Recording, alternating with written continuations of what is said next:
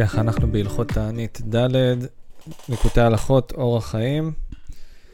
רבי נתן שואל פה שאלה, הוא אומר, כי לכאורה קשה, מה כל הרעש הזה שהפליגו רבותינו ז"ל בתוקף הנס של פורים, שהוא גדול מכל הניסים, כמבואר בדבריהם ז"ל. הלוא בנס של פורים לא היה שום שינוי הטבע כמו שהיה בניסים של יציאת מצרים, וקריאת ים סוף, שראו הכל שידוד המערכות ושינוי הטבע כזה, על ידי העשר מכות שהביא על מצרים וקריאת ים סוף וכולי.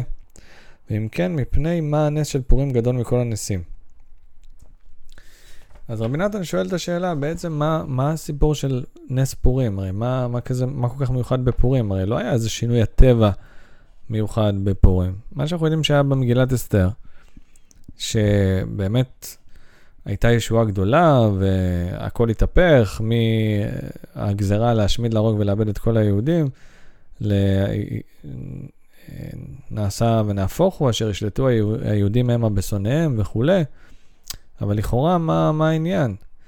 ואנחנו יודעים גם שבפורים, בעצם כל האירועים של המגילה התפרסו, כמדומני, אם אני לא טועה, על פני תשע שנים בערך, מהמשתה ועד uh, סוף, סוף המגילה.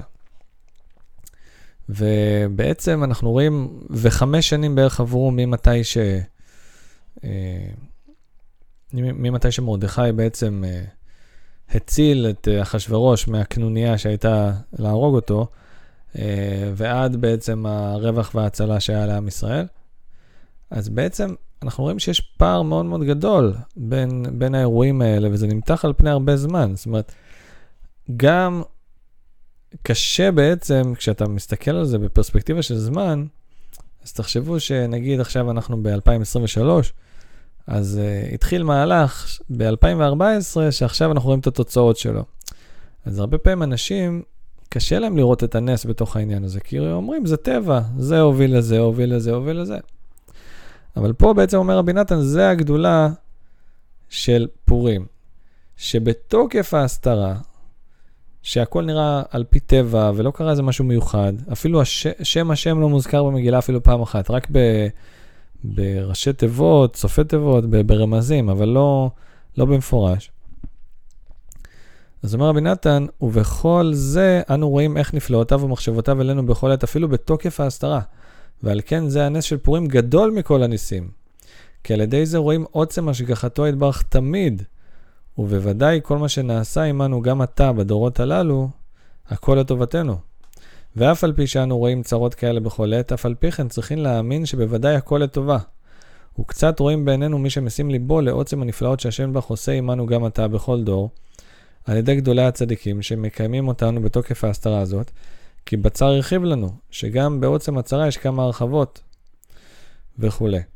זאת אומרת, האור הגדול של פורים, וזה האור שיש בחג פורים, זה, לרא... זה ה... היכולת, האור הרוחני הזה שאנחנו יכולים, מסוגלים לראות את הקדוש ברוך הוא בתוך הטבע, שזה משהו הרבה יותר גדול. כי ניסים של שינוי הטבע ממש, כמו שהיה בקריאת ים סוף וביציאת מצרים ועשר המכות וכולי, זה לפי שעה. הקדוש ברוך הוא לא מנהיג ככה את העולם כל הזמן. יכול להיות מצב שצדיק כמו משה רבנו, אז על ידו מתגלגלים ככה ניסים כאלה.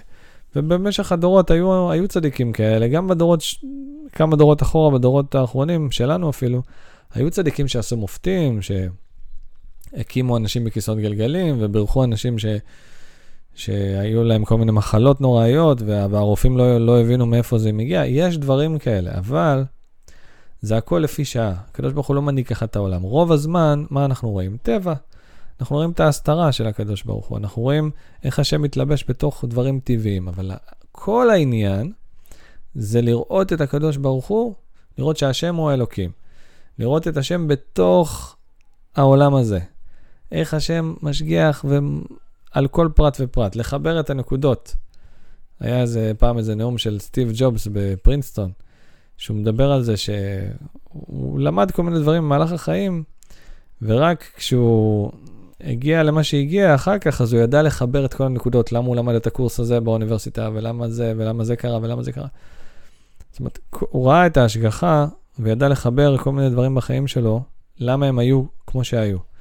והרבה פעמים אנחנו לא רואים את זה באותו רגע, אבל בסוף אנחנו יכולים לחבר את הנקודות, להגיד, רגע, זה קרה, זה הוביל לזה, זה הוביל לזה, זה הוביל לזה. דוגמה מאוד מאוד פשוטה אפשר לראות עם המדינה הזאת, אנחנו חיים בארץ ישראל, במדינת ישראל. הרעיון שיהודים התקבצו מכל העולם לארץ ישראל רק לפני 80 שנה, זה היה, נש... זה היה נראה כמו פנטזיה. זאת אומרת, באותה מידה אפשר להאמין בחייזרים, זה, זה היה יותר קרוב מאשר שזה יקרה. זאת אומרת, אנחנו, אם אנחנו מתבוננים, אז יגידו על פי טבע, כן, והיה קונגרס הציוני, ואז, אה, והרצל, והציונים ש, שדחפו לבוא לארץ ישראל וכולי. כן, הכל מתגלגל על פי טבע, אין מה לעשות, אבל העניין זה לראות את הקדוש ברוך הוא בתוך הטבע, וזה, זה אחת העבודות העיקריות שלנו, בדור שלנו, זה האמונה הזאת, ולהביא את זה ולהשיב את זה ללב. ונחזור לעצה העיקרית של רבנו, שאיך עושים את זה. מאוד מאוד קשה למצוא את הקדוש ברוך הוא בתוך הטבע. כי עולם כמנהגו נוהג, והחיים, מה לעשות, מלאים טרדות וצרות, וקשה לחבר את הנקודות. אז יש עצה נפלאה, שאולי הזכרתי אותה איזה פעם, פעמיים פה, שהיא נקראת התבודדות, שהיא נקראת לעצור, מה שרבנו אומר, לעצור כל יום. רבנו אומר למשך שעה, אבל באמת, גם חמש דקות, עשר דקות, רבע שעה, כל יום זה מצוין, כל אחד כפי יכולתו. העצירה הזאת, ההתבוננות, הזום אאוט רגע, הרמת מבט לשמיים, ריבונו של עולם, מלך העולם, תעזור לי להבין מה קורה פה.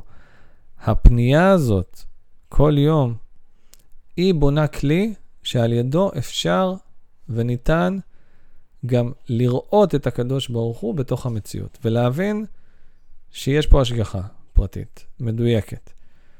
אבל צריך לעצור פעם ביום. צריך לעצור פעם ביום. מי שלא עוצר שנייה לראות את זה, לא יראה את זה. אז זאת העצה, וחיברנו את זה לנושא של פורים, וזה האור הכי גדול, לראות את הקדוש ברוך הוא בתוך הדברים הכי יומיומיים, ובענייני החולין. זה הגדולה, לא רק בבית הכנסת או בכותל. זה לא חוכמה, אלא לראות את השם בתוך היום-יום, המשעמם כאילו של החיים, בחיפוש חנייה, במפגש עם אנשים בעבודה, בחדר הכושר, ב... ב... לא יודע מה, במסעדה, כל אחד באיפה שהוא, איפה שהוא מונח, איפה שהוא נמצא, אפילו בחופשה, לראות איך השם משגיח על כל פרט ופרט בחיים שלנו, ומי אנחנו פוגשים כל יום, ואיזה מחשבות מגיעות לנו כל יום. הכל מדויק. אז שנזכה באמת להתמיד בזה, בעצה הזאת שנקראת התבודדות, לעצור כל יום, לדבר עם השם בשפה שלנו, ושנזכה שיאיר בנו האור של פורים, שיהיה לנו פורים שמח בסייעתא דשמיא. בשורות טובות, משתמע בפעם